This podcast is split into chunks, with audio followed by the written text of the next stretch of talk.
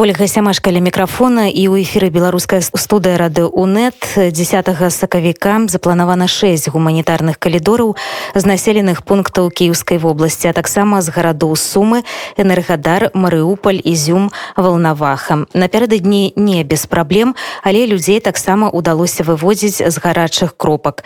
Як выглядала гэта эвакуацыя нам рассказала Святлана шацеліна. Яна больш за 10 год жыве ва ўкраіне і вядзе там уласны бізнес. Вайну яны з мужам сустрэлі ў мястэчку ворзель под кіевам дзе ў іх дом. Жыхары ворзеля як і іншых прыгарадаў кіева ірпеня бучы гастомеля апынуліся ў пасцы расійскіх акупантаў. Без сувязі света газа і вады людзі знаходзіліся больш за тыдзень.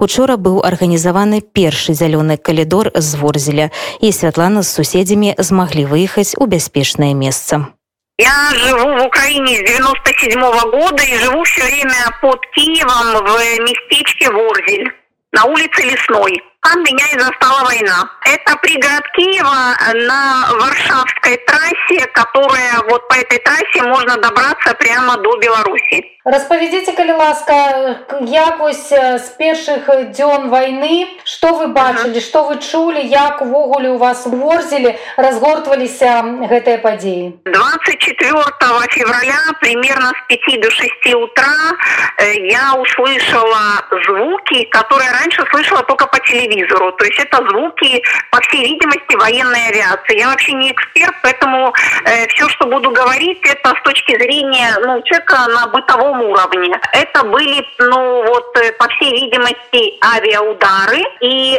24, 25, 26 и 27 эта ситуация, ну, повторялась э, с той или иной последовательностью, и где-то, наверное, уже с 27-го примерно появился гул, похожий на гул техники. И э, развернув карту, было понятно, что эта техника идет со стороны Беларуси. Э, живьем русские, наверное, БМП это называют, которая может быть с пушкой, может быть без, на резиновых таких штуках идет. Впервые живьем гул, ну вот, наверное, где-то 20 27 примерно был слышен по Варшавской трассе, а 3 марта я с балкона своего дома на втором этаже увидела прям живьем такого ну, цвета хаки вот эти БМП, и на них была белым э, надпись буквочка В.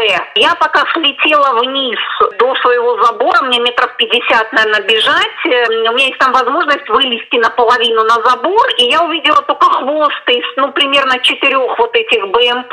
Между ними впереди э, и посередине шли военные. Издали было не видно, а когда ты к забору подходишь, тебя, ну, метров 5-10 примерно до глаз. То есть я видела глаза в глаза, и я спросила на русском языке, хлопцы, откуда чьи будете? Их было два последних вот вояка, одному лет 35, второму, наверное, лет 19. Заулыбались, оба ничего не ответили. И тут я увидела вот эти колорадские ленты, оранж, черная и оранжевая, вдоль рукава пришитые. И я говорю, вы что, русские?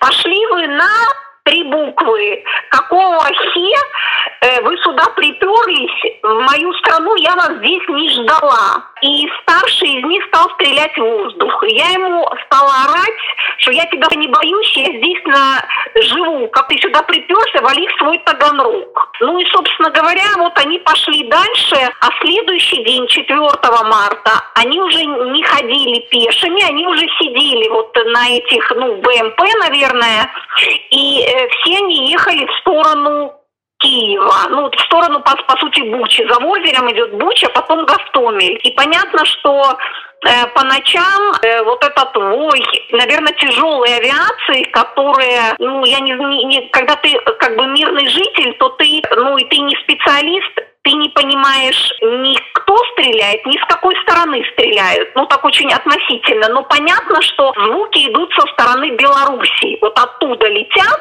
и летят в сторону Киева. Вот это я могу сказать. На таком еще бытовом уровне потом пропал. Дней пять назад пропал, пропала электрика совсем. И дня три назад пропал газ.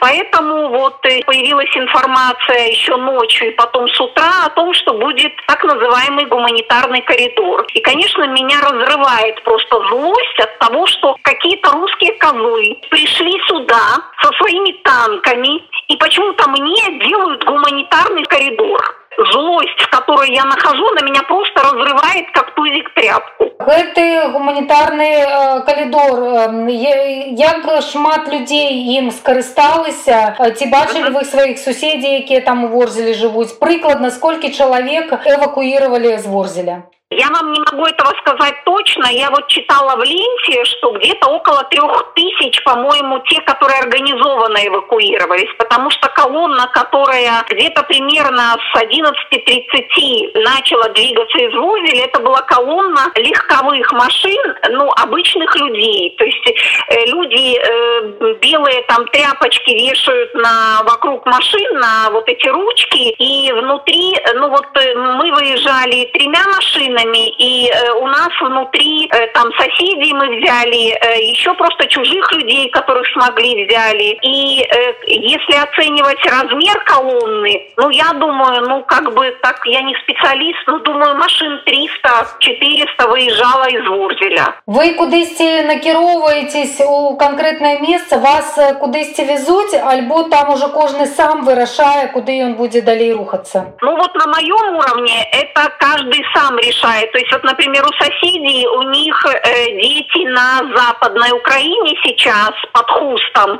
и они договаривались, э, где их могут перехватить, чтобы дальше туда поехать. Э, там дети, вот, как я уже сказала, там, а здесь у них едет папа, мама и дедушка, которому 88 лет. И вот это вот, вот наверное, поделюсь, дедушка бесконечно сидел у российского телевизора, и так бывает в семьях. И у меня у родителей, которые в Минске сейчас, у них тоже там такая настроенность, э, мягко говоря, некорректная. И когда я несколько дней назад пришла к нему и говорю ему, ну вот, э, э, а я давно его не видела, лет 10-15, я говорю, ну вот мы же с вами мирные люди. Почему к нам вот пришла война, и эту войну принесли русские? Э, знаете, когда видите глаза человека, который 88 лет, и в них стоят слезы, и человек, который, ну, вообще в это не верил, то есть для него Путин был, наверное, иконой, то, конечно, было бы здорово поговорить с ним сейчас, но вот э, пока он едет тут в машине, эвакуируется. Так что, наверное, какие-то понимания, какие-то другое, какое-то понимание к этим людям точно придет. И я сегодня, вот как только у меня появилась связь, написала в группе э, со своими коллегами, которые которыми я закончила Минский мединститут, отправила видео, чтобы показать, что происходит. Не все из них вообще даже понимают, что обстреливают там из э, ракетами нас и танки, и вот эта техника брони идет со стороны Беларуси. Что это Лукашенко вообще дал коридор, чтобы ему гореть в аду, ублюдку этому. Так что вот так. Светлана ці вядома вам былі выпадкі падчас пакуль расійскія вайскоўцы там былі у ворзелі гастомілі выпадкі марадэрства ці можа яны хадзілі там нейкую ежу просілі у людзей лично у меня я провела там 14 дней такой ситуации не было но у моих соседей поскольку ну вот мы на связи пытаемся быть и то у нас такая связь была телефон кнопочный лежащий в одном месте принимал звонок и несколько дней назад э, рассказывали о том, что возили ближе туда, но опять же не Мишаева, это туда в сторону, грубо говоря, белорусской границы. Вот там ночью в дом, да, вломилось порядка 15 русских, и они забрали всю, ну, забрали еду, поели.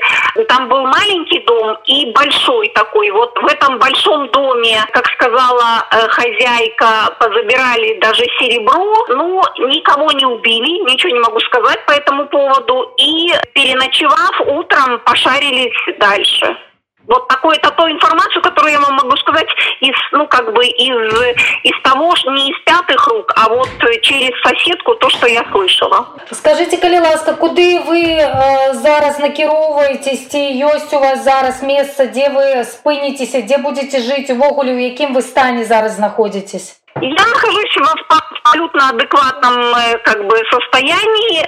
Едем мы сейчас к... Э, у мужа есть партнер, у партнера есть родители. Вот у них есть дом в Соливонках. Вот мы планируем туда, а там будет видно. И мне сегодня, вот как только у меня появилась связь, поскольку я работаю в туристической компании, да, я владелец туристической компании, то мне полмира написала уже, что Света, пожалуйста, Германия, да, Света, пожалуйста, э, если нужна помощь, Израиль, да, Штаты, да, поэтому Финляндия, да, поэтому, ну вот, с большой благодарностью всем людям, которые отзываются по этому поводу, и тут в Украине уже много человек, которые меня лично знают, спросили, куда ты едешь, нужно, нужно ли переночевать. То есть вот на таком человеческом уровне поддержка очень сильная. На что зараз, Светлана, ваш спадзеў, як вы далей бачыце свою будучыню? Ці планируеце з'язджаць, скарыстацца вось гэтымі прапановамі сяброў з іншых краін? Нет, я не планирую уезжать из Украины, нет. Единственное, что возможно, я попробую, э, отоспавшись, как-то попробовать мобилизовать свои международные связи для того, чтобы мочь оказать помощь э, как военным, так и гражданским. Либо это будет денежная, либо какая-то другая. Для меня очень важно быть полезной. А беларуская Святлана Шаціліна рассказывала ў нашым эфіры пра сваю эвакуацыю з Ворзеля, што пад Кіевам.